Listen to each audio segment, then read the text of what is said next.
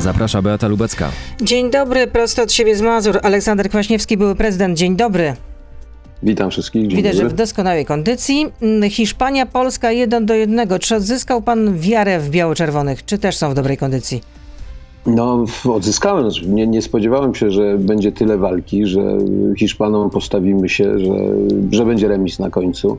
Nie, Ten remis y, to tak serce podpowiadało, ale jak się patrzyło na to, co było wcześniej, to trudno było w to uwierzyć. Także dobry znak i teraz ważne, żeby potwierdzić to w meczu ze Szwecją. A nie odniósł pan jednak takie wrażenie, że większy pressing był na polską bramkę, a nie na hiszpańską?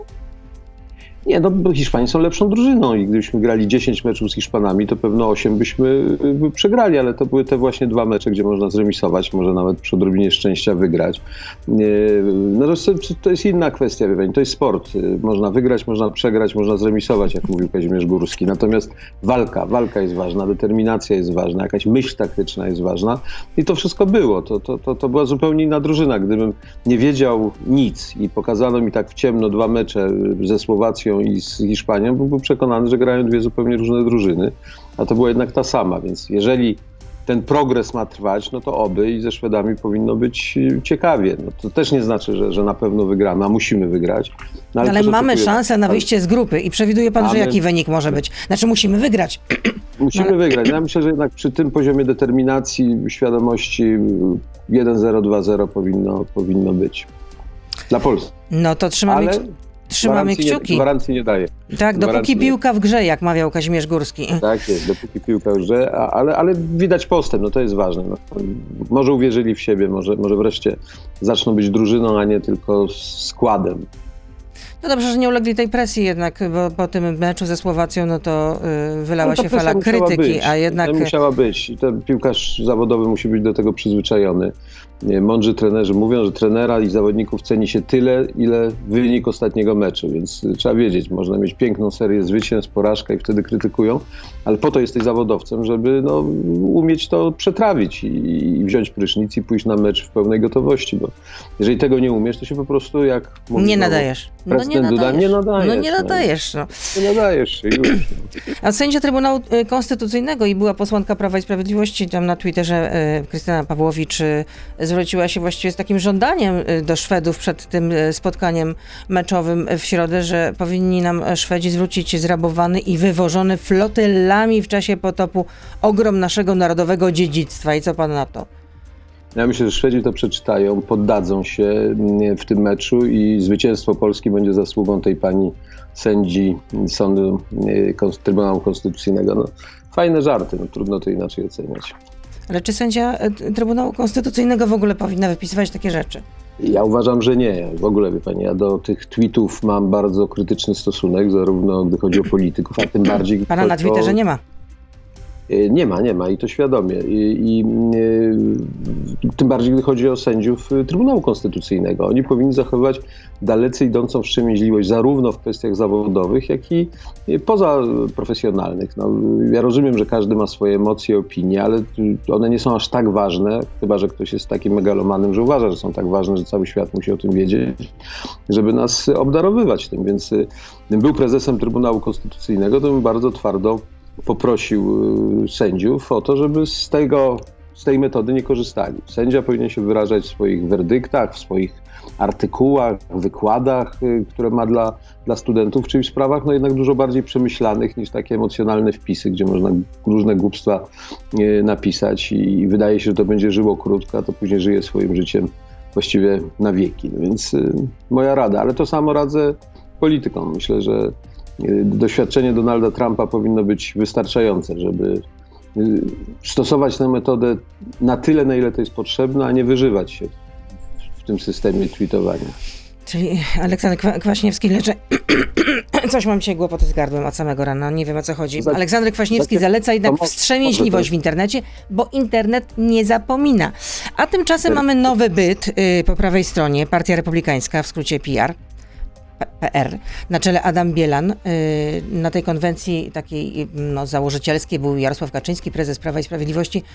Czy to już jest takie czarno na białym? Czy potrzebujemy jeszcze jakiegoś dowodu, żeby y, wiedzieć, że rozbiór partii Jarosława Gowina to odbywa się jednak z błogosławieństwem prezesa Prawa i Sprawiedliwości? Ja po pierwsze, do, dobre skojarzenie. Myślę, ten, te, ta partia republikańska to jest przede wszystkim PR, czyli działanie obliczone na z jednej strony rozbicie porozumienia Jarosława Gowina, co chyba już jest faktem, po drugie na pokazanie takie całkowicie sztuczne, że Zjednoczona Prawica ma ciągle nowych y, partnerów, no bo Adam Bielan jest żadnym nowym partnerem, jest to bliski współpracownik Jarosława Kaczyńskiego od lat. No ale będzie można udawać, że, że mamy nową partię w tym, w tym gronie, nowi ludzie i tak dalej, i tak dalej.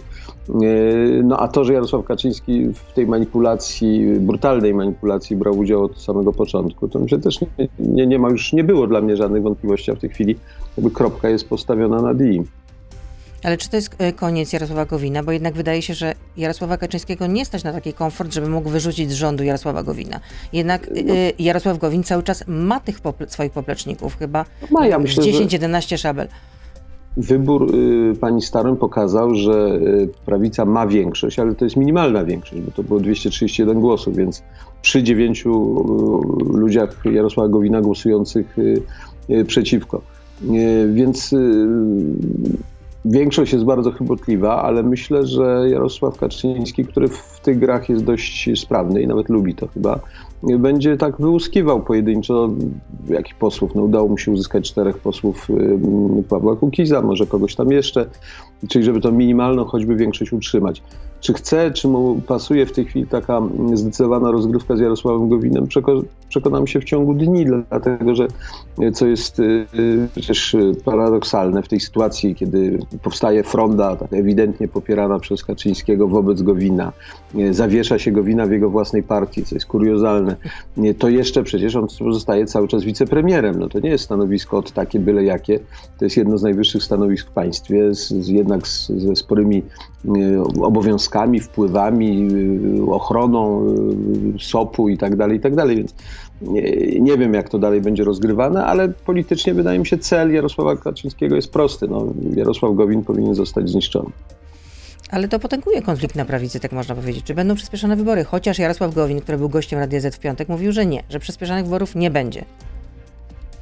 Ja myślę, że Gowin tu ma już niewiele do powiedzenia. Natomiast z całym szacunkiem dla, dla niego. Natomiast wydaje mi się, że czynniki, które mogą spowodować przyspieszone wybory, no to jest kilka. No pierwszy to jest, nie wydaje mi się, żeby ta kampania Nowego Ładu, która trwa od kilku ładnych tygodni, która oznacza jazdę po Polsce, billboardy i tak dalej, żeby ona nie miała się skończyć w jakimś wyobrażalnym czasie na jakimś finałem, jakąś puentą. No bo co, zrobić to i za dwa lata wybory, kto to będzie pamiętał o, o tej kampanii? E, więc e, to pierwsze wskazuje na to, że, że, że PiS jakby szykuje się do tego.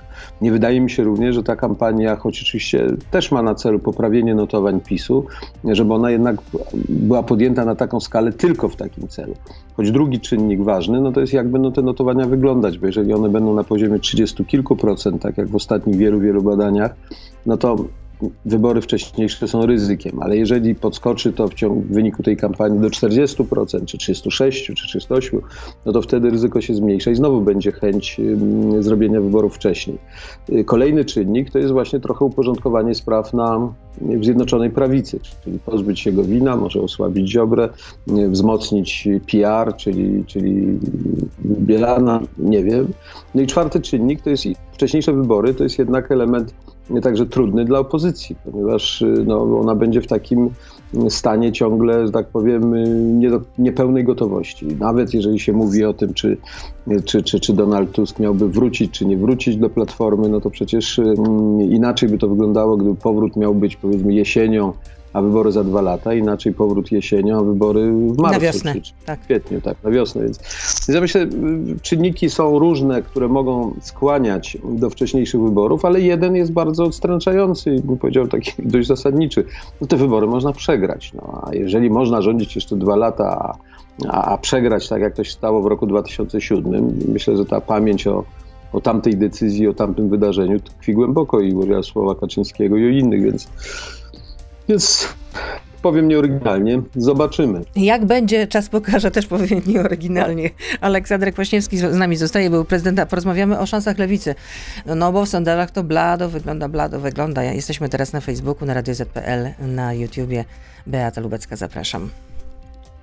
No właśnie, na tym, na tym zjeździe e, Partii Republikańskiej tak e, Jarosław Kaczyński tak trochę półgębkiem też mówił o, o lewicy, bo powiedział, że no, tylko zjednoczona prawica, nie odmawiając z góry patriotyzmu ludziom niektórych przynajmniej odmian lewicy, może zrealizować program dla Polski silnej, niepodległej, suwerennej. Był ostatni sondaż dla Cebosu.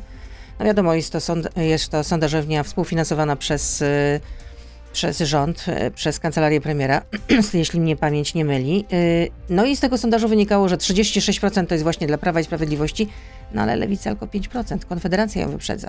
No i w ogóle w sondażach Lewica nie jest w stanie przebić tego e, szklanego sufitu pod tytułem 10%. No, tak, i to jest problem. I, znaczy, myślę, że Lewica utrzymuje stały elektorat na poziomie około właśnie 8 do 10% i tego mm, CEBO zawsze zaniżał, więc nim się mniej przejmuje. E, no ale to, to, jest, to jest mało. E, tym bardziej to jest dziwne, że inne badania pokazują, że takie skłonności lewicowe wykazuje znacząca część młodych wyborców, czyli tych od 18 powiedzmy do 25 czy 28 roku życia. Tam e, największe poparcie to zdecydowanie większe niż PiS mają dwa ugrupowania. Z jednej strony lewica, a z drugiej strony niestety powiem Konfederacja. Więc yy, pytanie, czy lewica jest w stanie dotrzeć do tego młodego elektoratu, na tyle zachęcić i przekonać, żeby oni nie tylko byli lewicowi w duchu, ale jeszcze poszli głosować, no to jest właśnie dobre pytanie do liderów lewicy, szczególnie tej części młodszej, tej Adriana Zandberga, jego współpracowników, yy, Roberta Biedronia, bo myślę, Włodzimierz Czarzasty ten, ten, swój elektorat, nazwijmy tradycyjny ma dosyć skonsolidowany, no ale on też nie jest wielki. W dodatku on podlega no, takiej naturalnej, biologicznej erozji, więc yy, yy, Myślę, że to jest kwestia aktywności pewnej. COVID nie był dobrym czasem, bo on właściwie zamroził te kontakty, które są niezwykle ważne dla małych partii, czyli e, teren, ludzie, dyskusje itd., tak itd. Tak to musi być szybko odmrożone. Właściwie Tylko czy jednak to paktowanie z Prawem i Sprawiedliwością w sprawie funduszu, e, poparcia Funduszu Odbudowy e, jednak mogło się nie spodobać wyborcom nie. Lewicy w dłuższej perspektywie? Nie. Pan akurat był nie. tutaj chyba architektem tego, tego pomysłu i namawiał pan liderów Lewicy, żeby, żeby usiedli z Prawem i Sprawiedliwością do rozmów w tej sprawie. A Miller z kolei mówił, że owszem, trzeba było poprzeć taki fundusz odbudowy, jak najbardziej tak, ale bez tego paktowania, bez tych rozmów z Prawem i Sprawiedliwością.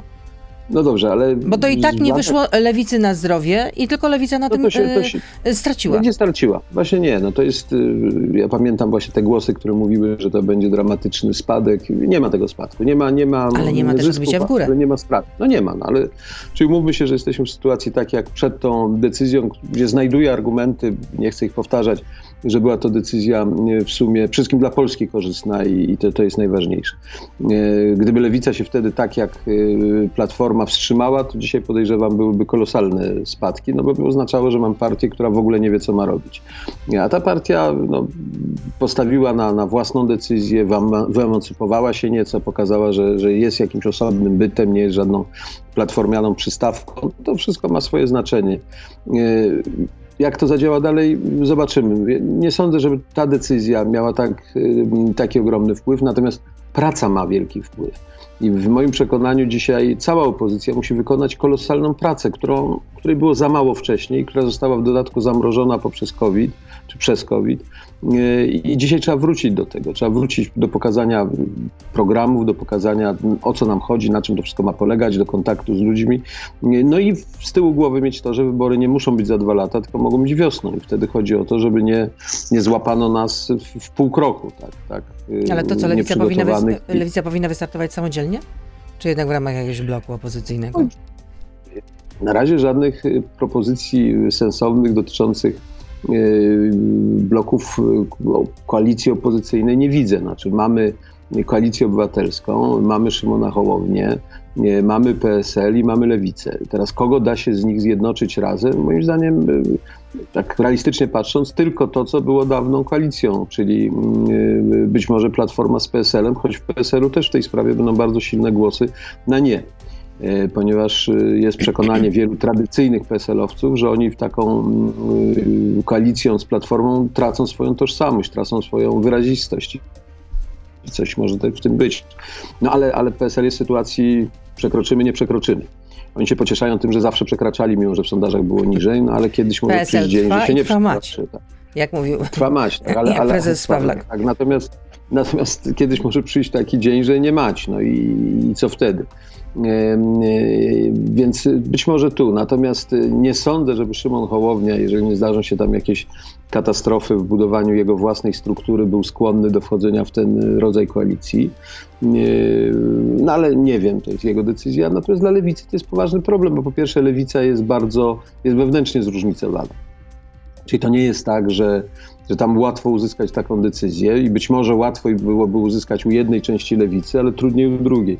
Poza tym wydaje mi się, że ze względu na tożsamość lewicową, jeżeli jest rzeczywiście tych 8-10% wyborców, no to, to oni później w budowaniu rządów będą, będą do dyspozycji, będzie można z nimi rozmawiać. Natomiast czy trzeba to już robić na liście, na listach yy, takich wspólnych, tego nie wiem. To, to musiało być by jakby obliczone i, i, przedstawione z jakimś większym sensem mm, przed wyborami.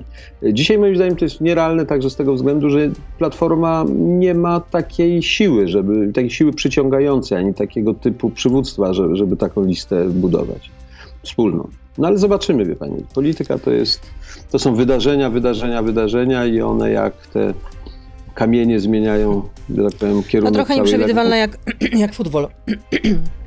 Nie do końca no, przewidywalne. Powiem, powiem, pani, powiem pani jednak, z, z, oczywiście pani patrzy na polską reprezentację, ale jak pani spojrzy na Francuzów czy Włochów, to jednak futbol jest nieporównany. No Włosi grają bardzo dobrze, od, akurat. Od polityki. Włosi Więc, akurat bronie, bronie, bronie piłki nożnej jest Francuzi dużo też. bardziej przewidywalna, reguły są dużo bardziej znane, kwestia faulu jest dużo lepiej opisana, Także yy, polityka jeszcze musiałaby się od piłki nożnej dużo nauczyć, żeby osiągnąć taki poziom yy, przewidywalności i fair play. A, a, czy powrót Donalda Tuska do polskiej polityki, już nie wiem w jakiej roli, czy PO przewodniczącego, czy nie wiem, nie wiem, chyba nikt tego na razie nie wie, czy to byłby prezent dla Jarosława Kaczyńskiego, bo tak mówi e, polityczka, młoda polityczka w lewicy e, Agnieszka Dziemianowicz-Bąk, że to po prostu pozwoliłoby PiSowi odświeżyć taką narrację o winie Tuska. Znaczy, wie pani, to jest właśnie cały kompleks problemów. Myślę, że, że my nie wiemy, nie wiem na ile sam Donald Tusk wie, jak, jaką ostatecznie decyzję podejmie. Tak samo trudno bardzo ocenić, jakie byłyby y, konsekwencje tego.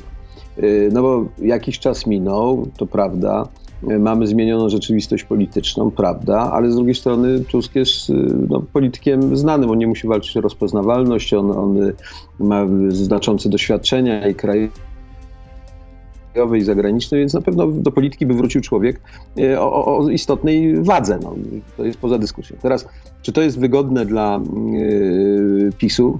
Mam, mieszane uczucia, bo pani, z jednej strony oczywiście można powiedzieć wygodne, no to przychodzi stary przeciwnik, którego znamy, yy, znamy jego słabe strony, yy, możemy wyciągnąć cały arsenał argumentów, i tak dalej, i tak dalej. I pewno tak by było. filmowych. Materiałów, filmów i tak dalej. Czyli można by całą tą jakby kampanię na przykład związaną z, z opozycją wiedzioną, kierowaną przez Tuska, jakby przestawić na te tory historyczne, co oczywiście dla żadnej partii walczącej władzy nie jest wygodne, bo wygrywa się wybory wizją przyszłości, a nie historią. No, historia już była.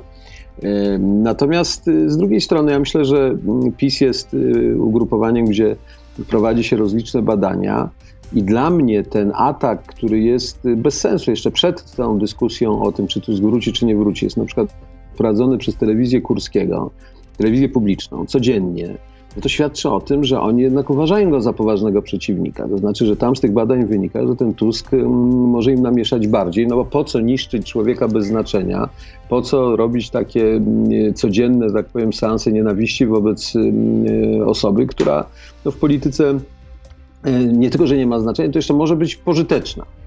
Ja gdybym e, chciał przyjąć tezę, że powrót e, Tuska to jest dla Kaczyńskiego dobry prezent, to raczej bym dzisiaj łagodził tą retorykę telewizji publicznej wobec Donalda Tuska i nawet wskazywał, że jakby to dobrze było, żeby on żeby on przyszedł, żeby wrócił. Więc y, ja myślę, że, że to wszystko ma dwie strony. To znaczy y, plusy dodatnie, zacytuję kolejnego klasyka i plusy ujemne. No. No, A policzy, policzyć, policzyć rachunek to dopiero będzie można po faktach, czyli na końcu drogi. No, telewizja państwowa też bardzo często wyzłośliwia się na temat y, Rafała Trzaskowskiego. Tam też często gości na łamach i też często dostaje no po prostu ja łomot i bęcki.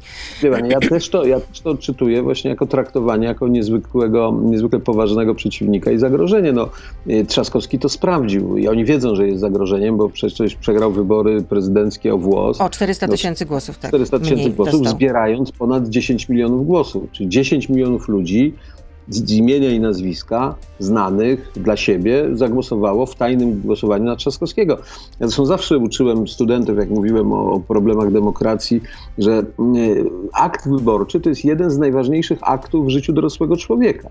Dlatego, że on się odbywa, mówię w uczciwej demokracji, kiedy to jest rzeczywiście tajne, tajne głosowanie, dlatego, że to jest twoja odpowiedzialność przed samym sobą. Możesz wejść za kotarę, żona mówi głosuj na tego, a ty głosujesz na swojego i, i, i, to robisz. I w związku z tym ta więź, która powstaje między tą osobą, na którą się głosuje, wyborcą jest naprawdę silna i cenna. I, i 10 milionów głosów Trzaskowskiego, gdyby on potrafił, trochę mu czas rozlasł się przez palce, a gdyby on potrafił to skapitalizować, to, to, to, to jest potężna siła.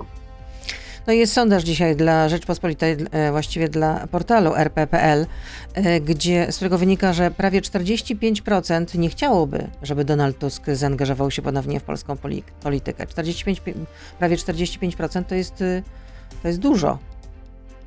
No tak, ale to by oznaczało, że 55% nie, jest za... Przeciwnego zdania jest 28,3% respondentów. Rozumiem, reszta że reszta nie jest nie wie, jak to powinno nie wyglądać. No. Dzisiaj na łamach Super Expressu też wypowiada się Mm, Tomasz Siemoniak, wiceprzewodniczący, jeden z wiceprzewodniczących Platformy Obywatelskiej, mówi, że y, Platformy Obywatelskiej i mówi, że nie szykuje się żaden przewrót pałacowy, że raczej zanosi się na jakąś formę triumviratu, czyli Tusk, Budka, Trzaskowski, tak jak to było na początku Platformy Obywatelskiej, kiedy, została, kiedy się zakładała, tak powiedzmy w ten sposób, że był Tusk, Olechowski, Łażyński. No nie wiem, czy to by się sprawdziło. Życzę powodzenia. Ja sobie wyobrażam ten triumvirat. No, wie pani, to, to jest e, moim zdaniem, tak już patrząc na to zimno, e, e, Trzaskowski jest średnio zainteresowany powrotem Tuska. Znaczy byłby zainteresowany o tyle, o ile Tusk chciałby zaakceptować jego liderującą pozycję, choćby z tego względu, że Trzaskowski to jest inne pokolenie. To jest to pokolenie, które dzisiaj ma prawo walczyć i marzyć o tym, żeby wypełniać najważniejsze funkcje. Tusk z całym szacunkiem jest już pokoleniem, no, które swoje mm, zrobiło. Siedem lat był premierem, odgrywał rolę w strukturach europejskich. Yy, w związku z tym no, taka niewypowiedziana prośba Donald daj spokój i oddaj nam miejsce przecież jest obecna. Yy, Budka w tym trójwiracie jaką rolę miałby odgrywać? Przewodniczący, który rezygnuje yy, ze swoich możliwości, ze swojego władztwa. No to, to, to, czym innym tak, była Platforma wtedy, Olechowski, Płażyński, Tusk, wszyscy byli na dorobku. Wszyscy byli na dorobku, zakładali projekt, podzielili się rolami, każdy wnosił jakiś tam inny kawałek, inny segment elektoratu, inny rodzaj wrażliwości, doświadczenia każdy i tak dalej. Aport. Tak, każdy miał swój i to ładnie zagrało. Po czym później, co też pamiętamy, Donald Tusk okazał się na tyle skuteczny, że został sam, więc... Y, Żeby nie być bezwzględny. No tak, więc ja w te triumviraty za bardzo nie wierzę. Moim zdaniem zresztą powrót Tuska Y, jeżeli miałby jakikolwiek sens i miałby rzeczywiście też wzbudzić pewne emocje wśród tego tradycyjnego lektoratu Platformy, który często się rozproszył, rozmył, poszli do Hołowni, to powinien być taki, no, wraca szef i, i ufamy temu szefowi. Zresztą jestem przekonany, że gdyby jako lider Platformy wrócił Tusk, to pierwszym efektem byłby wzrost notowań w sondażach, kilkuprocentowy. Później to by zaczęło znowu spadać, ale na początku byłby jednak rodzaj takiego pozytywny impuls. pewnej radości, pozytywny impuls. Natomiast triumviraty, no wie pani, to, to, to już... Tak, to, to, się, to. To, to się raczej nie sprawdzi. Aleksander Kwaśniewski jest z nami, były prezydent. Chciałam zapytać, jakie Pana zdaniem powinny być konsekwencje po, tym, po tych cyber, cyberatakach na prywatne konta niektórych członków rządu? No, tutaj mam na myśli głównie ministra Dworczyka, no, czyli prawą rękę premiera Morawieckiego, szefa kancelarii premiera. Konsekwencje będą wszystkim trojakie. No, pierwsza, najważniejsza z punktu widzenia bezpieczeństwa państwa, no, trzeba dojść i powiedzieć jasno, nie na tajnym posiedzeniu Sejmu, ale nam wszystkim, opinii publicznej, co się stało. No Jak to, kto to, to, zrobił, jeżeli... To Jarosław Kaczyński no, wydał oświadczenie, no i no nie, powiedział, że analiza informacji pozwala na jednoznaczne stwierdzenie, że został przeprowadzony e, cyberatak bardzo... z terenu Federacji Rosyjskiej. Dobrze. Bardzo prosimy o fakty, bardzo prosimy o konkrety. Ja nie, nie, ja nie wykluczam tego, rozumiem, ja tego nie wykluczam, ale oczekuję, że zostanie to pokazane y, w takim zakresie, w jakim to jest możliwe, czyli dużo poważniej niż to Jarosław Kaczyński w swoim oświadczeniu napisał, jak to się stało, jak, jak wygląda mechanizm tego. To jest pierwsze i drugie, jeżeli dzisiaj te 70 tysięcy czy ile tam maili jest w rękach powiedzmy rosyjskich, to kto dzisiaj zarządza nimi, że mamy te informacje, a nie inne? No to niech nasze służby staną na wysokości zadania i powiedzą, że to jest taka grupa, to jest ten wywiad, to jest taka służba i tak dalej. No ktoś tym rządzi. Ja przypominam, że myśmy nieco inną, ale w sumie podobną historię mieli z podsłuchami Łusowy i przyjaciół. I wtedy też polskie służby bardzo z wielkim trudem i, i bardzo długo to trwało, zanim doszły, kto to, kto to robi. Gdzie jest ta głowa, gdzie jest ten mózg całej operacji? Bo przecież mając 70 tysięcy e, maili, to dzisiaj ktoś musi dokonać wyboru. Przecież tam są miliony słów wypowiedziane, czy, czy, czy, czy tematów. I czy się rzuca. Napisane. Na, na, napisane. Na, napisane, no tak. E, więc napisanych jest mnóstwo rzeczy. I teraz dlaczego wybiera się ta, nie inne? Ktoś za tym stoi, ktoś rządzi. Musimy wiedzieć. I tu służby moim zdaniem powinny e, dokonać niezbędnych działań. Czy są zdolne, to jest inny temat. Druga konsekwencja to jest konsekwencja mm, osobista mm, no, ministra, czy ministrów, czy premiera również, którzy używają skrzynek prywatnych dla celów służbowych. Przypominam, że w czasie pierwszej kampanii Donalda Trumpa to był jeden z głównych zarzutów przeciwko Hillary Clinton, która też popełniła ten błąd, że część informacji mm, ważnych, y, ale też nie, nie tajnych, ale przekazywała y, poprzez swój adres czy, czy na swoją skrzynkę prywatną. I, I, myślę, że to był jeden z istotnych czynników, który jej zaszkodził w kampanii, więc sądzę, że odpowiedzialność służbowa za popełniony błąd, może nieintencjonalnie, pewno nieintencjonalnie, a za popełniony błąd powinna być. Czy to mają być dymisje, czy tylko jakieś kary, nie wiem, upomnień, to to już jest kwestia, kwestia druga, ale konsekwencje tego typu powinni ci ludzie ponieść. No ale z doniesień mediów wynika również, że, że również premier Morawiecki korzysta z prywatnej skrzynki mailowej no tak jest, no, ale do, też do wymiany takiej no korespondencji, te, która de facto te, jest te, służbowa, no nawet jeśli no nie zawiera tam części... Jeśli to są Też treści powinien... poufne, czy tajne, czy zastrzeżone, ale de facto dotyczy to rządzenia. Tak jest i też powinien ponieść konsekwencje, ponieważ, jak mówię, tu już został popełniony poważny błąd urzędniczy, no, błąd y, w wykonywaniu obowiązków służbowych i są odpowiednie do tego kodeksy, paragrafy, regulaminy i tak. W, w, najmniejszym wymiarze może być kara finansowa, w innym, w najwyższym odwołanie ze stanowiska. No, nie, nie, niech to ocenią przełożeni. E, a w przypadku no to, ale premiera, to premier no to, musiałby zacząć od siebie, no to, to nie nastąpi. No musiałby zacząć się, no, no, no wie pani, co, pani by pytała o konsekwencje, więc mówię, takie powinny być. I trzecie konsekwencje, których uniknąć się nie da, e, no to to, że zaczął się serial. Ja myślę, że mm, z tym serialem będziemy długo żyli. Tak jak w aferze podsłuchowej zaczęło się od pierwszego wydruku tych podsłuchów, później były kolejne, zataczało to coraz szersze kręgi. Tak samo tutaj. Ja myślę, że będziemy co chwilę karmieni różnymi ciekawostkami, które, które z tych maili wynikną. I to oczywiście może być również y, poważny problem dla tych, którzy chcieliby przyspieszyć wybory, bo niewykluczone, że że, że szczyt, że tak powiem, tych sensacji, czy tych sensacyjek, y, bo to nie muszą być wielkie sensacje, on przypadnie dopiero za kilka miesięcy, kiedy, y, kiedy ktoś może myśleć o tym, czy przyspieszać wybory, czy nie. Więc trzy rodzaje konsekwencji. Pierwsza, dla mnie najważniejsza, bo z punktu widzenia państwa istotna, żebyśmy dowiedzieli się, co się stało, jaki mechanizm zadziałał, co zawiodło po naszej stronie, ale też kto, kto rządzi dzisiaj tą sprawą, gdzie, gdzie jest to centrum dowodzenia. Bo jeżeli tego nie będziemy wiedzieć, to, no to będziemy błądzić, to będziemy tak chodzić we mgle. No i pytanie podstawowe, dlaczego to członkowie rządu używają prywatnych y, skrzynek, żeby się ze sobą komunikować na tematy służbowe? No, to jest bardzo dobre pytanie, na to powinna być odpowiedź, bo gdyby to była kwestia jednego, czy dwóch, czy trzech maili, można powiedzieć, że nastąpiła zwyczajna pomyłka, czy no, ktoś w tym zamieszaniu, w stresie, w zmęczeniu, ci ludzie z całym szacunkiem, że pracują ciężko, no ale jeżeli mówimy o tysiącach maili, to znaczy, że został przyjęty pewien mechanizm, że porozumiewamy się prywatnie, czy to jest kwestia wszechwładzy Mariusza Kamińskiego i strachu przed nim? Pojęcia nie mam. Nie wykluczał również takiej tezy. Natomiast to też jest y, do, do, do zapytania no, ale prywatne konta są mniej bezpieczne, jeszcze mniej bezpieczne niż, niż konta... No, ale nie wchodzi, tylko, że rozumiem, no, no, konta rządowe są rzeczywiście zabezpieczane przez służby specjalne. No, są tak, no. zabezpieczane no. i do nich dostęp jest nie dość, że łatwiejszy, to też legalny. Myślę, że odpowiednie służby mogą po prostu, zawsze można powiedzieć, tak, tak, czytam panie premierze pana maile, może powiedzieć wice, może powiedzieć minister Kamiński, bo tu chodzi o, o bezpieczeństwo tak, państwa. Tak, tak. Natomiast tak. jak mail prywatny, no to jak powiedzieć, że czytam, bo tu chodzi o bezpieczeństwo? Nie, no czytam, bo szukam na pana haka, no to jest zupełnie inna, inna argumentacja. Tak, śmieję się, ale to, to, to, nie jest, to nie jest e, sprawa bynajmniej groteskowa, ani śmieszna, jest to sprawa poważna jest poważna i, i warto by też poważnie do niej podejść, szczególnie z punktu widzenia takiego systemowego, dlatego że problem tych ataków staje się problemem ogólnoświatowym. Wie pani, kiedyś w czasie jakiejś konferencji rozmawialiśmy o tym i cyberterroryzm, czy to wszystko, co dzieje się z, właśnie z, z przejmowaniem kont, wprowadzaniem fake newsów i tak dalej, to jest dziedzina, która prawdopodobnie będzie zatruwała najbardziej życie w XXI wieku.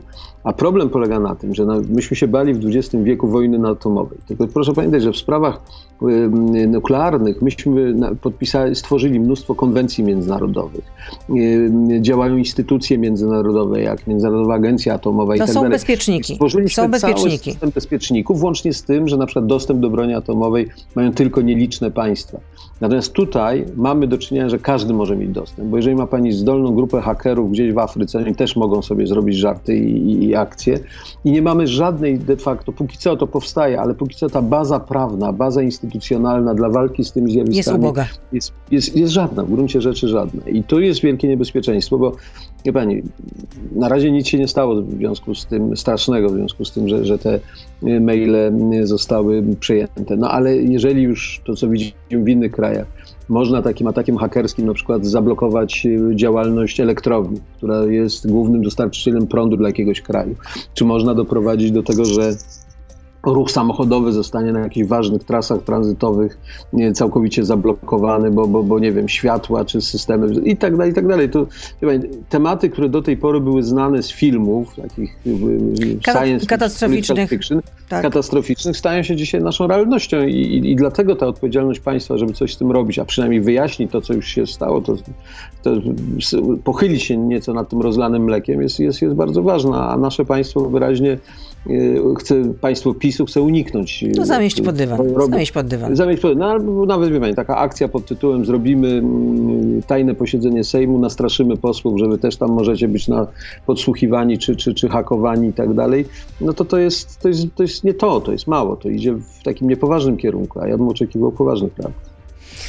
Jeszcze są pytania od słuchaczy. Dane publiczne pytają. Prezydent Duda powiedział w wywiadzie, jak masz być prezydentem, to musisz być twardy, tutaj nie ma żartów, trzeba podjąć takie decyzje, że człowiek sobie nawet nie wyobraża, albo to umiesz, albo tego nie umiesz. No to jakie najtrudniejsze decyzje pan podejmował? Jaka była najtrudniejsza decyzja w pana karierze prezydenta? Ja myślę, że najtrudniejsza, zacznę od tych kontrowersyjnych, do dzisiaj ja myślę, to włączenie się do tej koalicji antysadamowskiej w Iraku to była mm, decyzja bardzo trudna i przecież związana z wysyłaniem żołnierzy i ryzykiem, które oni ponosili. Czy to był błąd? Wie pani, z dzisiejszej perspektywy bym powiedział tak, że to był błąd oparty na niewłaściwych nie informacjach? informacjach przekazywanych przez dwie ważne, dwóch naszych ważnych sojuszników, czyli Stany Zjednoczone i Wielką Brytanię. Wielką Brytanię, tak. Choć politycznie dla Polski udział w tej koalicji nie był błędem. Zresztą ja miałem taką rozmowę z Zbigniewem Brzezińskim, który był przeciwnikiem tej akcji amerykańskiej w Iraku, ale mi powiedział wtedy bardzo ważną rzecz. Wie pan, Ameryka źle robi, że, że tak rozgrywa tę sprawę, ale to, że Polska popiera Amerykę także w tej trudnej sprawie, to jest słuszne. To jest, to jest właściwa decyzja z punktu widzenia Polski, świeżego członka Paktu Północnoatlantyckiego. No ale jak pani pyta o trudne decyzje, no to, to, to są trudne decyzje. E, decyzjami trudnymi, znaczy, znaczy, mieliśmy tu rację, ale w przeprowadzeniu trudnymi było zarówno wejście do NATO, jak i do Unii Europejskiej, no bo to nie są kwestie e, proste, wymagające negocjacji i tak dalej. Każdą trudną decyzją jest wysyłanie żołnierzy za granicę, ale też uważam, że trzeba było to robić, dlatego że w ten sposób no, myśmy budowali naszą wiarygodność jako, jako państwa, ale także budowaliśmy pewne umiejętności naszym, naszych sił zbrojnych, no bo, bo, bo, bo oni szli do działań, gdzie, gdzie, gdzie nie były tylko ćwiczenia, tylko było realne zagrożenie, więc to wszystko ma swoje różne, różne strony. Decyzjami zawsze trudnymi są na przykład kwestie ułaskawień. O, to, to jest właśnie też pytanie, że miał pan na, swoje, na swoim koncie kontrowersyjne ułaskawienia Petera Fogla i bohaterów afery Starachowickiej. Czy pan nie żałuje tych ułaskawień, tych decyzji? Znaczy, nie, znaczy, wie pani, w pierwszej sprawie Fogla, no to przyszła po całej, że tak powiem, drodze prawnej. Ja, ja się nią nie zajmowałem, to dopiero później media przypominały o tym, że, że przyszła decyzja popierana przez prokuratora generalnego wtedy i ministra sprawiedliwości, popierana przez sądy i tak dalej, i tak dalej, żeby, żeby go łaskawić i on został łaskawiony. Czy za, czy za tym stała jakaś e, działalność na przykład polskich służb, z którymi prawdopodobnie Fogel był związany, no to, to trzeba by było jakby zająć się tym osobno i, i szukać, ale tu nie mam Ale pan czasu. nie żałuje pan tych decyzji, tak? Rozumiem. E, nie, tamtej nie żałuję, bo mówię szczerze, podjąłem ją jakby w takim ciągu procesu decyzyjnego, w którym byłem na końcu, ale, ale nie zajmowałem się nią osobiście. Natomiast e, czym innym jest... Pies szczeka. Mazury, Mazury. My już chyba sygnalizuje, że dajcie spokój, już skończcie tę dyskusję. Trochę, trochę tak, trochę, tak, trochę tak. Jeżeli pies, bo ona lubi No pies chyba w pana obronie tutaj staje. Nie, nie, nie, nie. Mój pies jest bardzo wyczulony, bo jak ja udzielam takich wywiadów, to na tu potrafi leżeć i bardzo z ciekawością się przysłuchuje, a jak zaczyna szczekać, to znaczy, że już jest Już za długo, za długo. Za długo. Wywiad trwa za długo, tak. Nie, ale mówiąc poważnie, gdy chodzi o aferę Starachowicką, podjąłem decyzję absolutnie świadomie po długiej dyskusji, po konsultacjach z ówczesnym ministrem sprawiedliwości profesorem Kubickim i uważam, że podjąłem ją słusznie, ponieważ Zbigniew Sobotka wtedy był szykowany na, pierwszego, na pierwszą ofiarę Zbigniewa Ziobry. I to mm, nie było żadnych wątpliwości, że, e, że, że, że tej obsesji, że tak powiem, e, Ziobro będzie, będzie chciał temu człowiekowi zrobić krzywdę, więc wyrok został zamieniony z wyroku na, na, na siedzenie, na, na, na wyrok w zawieszeniu. Uważam, że to była decyzja słuszna i sprawiedliwa. I ostatnie pytanie, skoro już pies tam sygnalizuje, że już yy, yy, przesadzamy z tym czasem, to jeszcze jedno pytanie, ostatnie. Pamiętam, jak obecni politycy partii Razem śpiewali Znajdzie się cela dla Leszka Millera, o panu też śpiewali. To jakie są obecne relacje z partią Razem? Dobre, no, rozmawiam z, z, z Adrianem Zandbergiem, rozmawiam z mm, e, jego współpracownikami. Uważam, że w tej partii jest bardzo interesująca grupa młodych polityków, a szczególnie polityczek, pań, które wykazują się i dużą wiedzą, i taką determinacją. I muszę pani powiedzieć, że to jest interesujące zjawisko, no bo to jest naprawdę młoda, młoda lewica. To, że oni są krytyczni do naszego e, czasu, no, to przyjmuję. Staram się niektóre rzeczy tłumaczyć. Wie pani, różnica między nimi, teraz będę trochę złośliwy, ale, ale tylko trochę, a nami polega na tym, że oni mogą formułować różnego rodzaju postulaty i na razie nie muszą ich ani spełniać, ani ponosić za to odpowiedzialności. Ja należałem do tej lewicy, która musiała ponosić odpowiedzialność za państwo w konkretnym momencie historii, wtedy kiedy właśnie wchodziliśmy do NATO, do Unii Europejskiej, kiedy mieliśmy dziurę budżetową, kiedy działo się mnóstwo rzeczy, y, które wymagały podejmowania decyzji, a nie tylko, że tak powiem, y, krytykowania, oceniania czy, czy proponowania czegoś nie, nie do końca realistycznego. Ale doceniam tych ludzi bardzo. Ta młoda lewica, y, jeżeli rzeczywiście tak rośnie poparcie wśród młodego pokolenia, powinna mieć coraz większą coraz większe znaczenie i większą rolę. E, wydaje mi się, że oni też dojrzewają politycznie, będąc w Sejmie. E, samego Adriana Zandberga uważam za bardzo utalentowanego e, polityka z dużymi, dużą wiedzą i dużymi możliwościami. Gdyby jeszcze do tego doszedł taki zwiększony, że tak powiem, wysiłek, walka o No nie ma ciągu na bramkę. No, no, no, właśnie, zaczęliśmy od piłki nożnej, pewno skończymy. No, żeby doszedł jeszcze ten ciąg na bramkę, no to moim zdaniem z, tego, z tej formacji mogą być, mo, mo, może być pociecha. No to kończymy. Jak pies ma tylko na imię? Zapytam. To jest dokładnie pies mojej córki. Na imię ma Lula. Jula. A jaka to rasa? Lula, Lula, Lula. Lula. Ona jest podobna. Lula. Lula. To jest pies, który został gdzieś przez, porzucony i jest taka fundacja, która zajmuje się takimi sierotami. Ola wzięła go z, z tej, z tej fundacji. Czyli zaadoptowany. E, tak, zaadoptowany. E, jest taki typu Jack Russell, no, taki, taki kolor, umaszczenie biało. E, I myślę, trochę charakter ma Russellowaty, bo bardzo lubi tutaj polować na, na, na, na myszy, na, na, na, na, na nornice. Więc ona, ona wyżywa się tutaj na tych Mazurach. Ale została jej taka trauma, mm, chyba sieroca, właśnie musiała być nie wiem, wyrzucana, podrzucana, wywożona, bo straszliwie nie lubi samochodów i, każdy z nią przejazd na każdej trasie to jest taka duży wysiłek dla niej, aż, aż przykro patrzeć, no ale za to już jak jest na Mazurach, to, to nie chce stąd się nie chcę stąd się ruszać. No to Także ty, ja za to ty opowieść akurat polecamy tym, którzy uważają, że, że zwierzęta nie czują. Oczywiście, że czują. Ja ale są tacy, którzy uważają, że nie czują. Zwierzęta nie dość, że czują, zwierzęta rozumieją, a także lubią słuchać wywiadów Radia Z. I oczywiście Aleksandra Kwaśniewskiego, który był naszym no, gościem. Tego, Życzę nieustająco zdrowia oczywiście. Do usłyszenia, do, do zobaczenia, kłaniam się, dobrego dnia. Do widzenia. Do widzenia. To był gość Radia Z. Słuchaj codziennie w Radio Z i na player radioz.pl.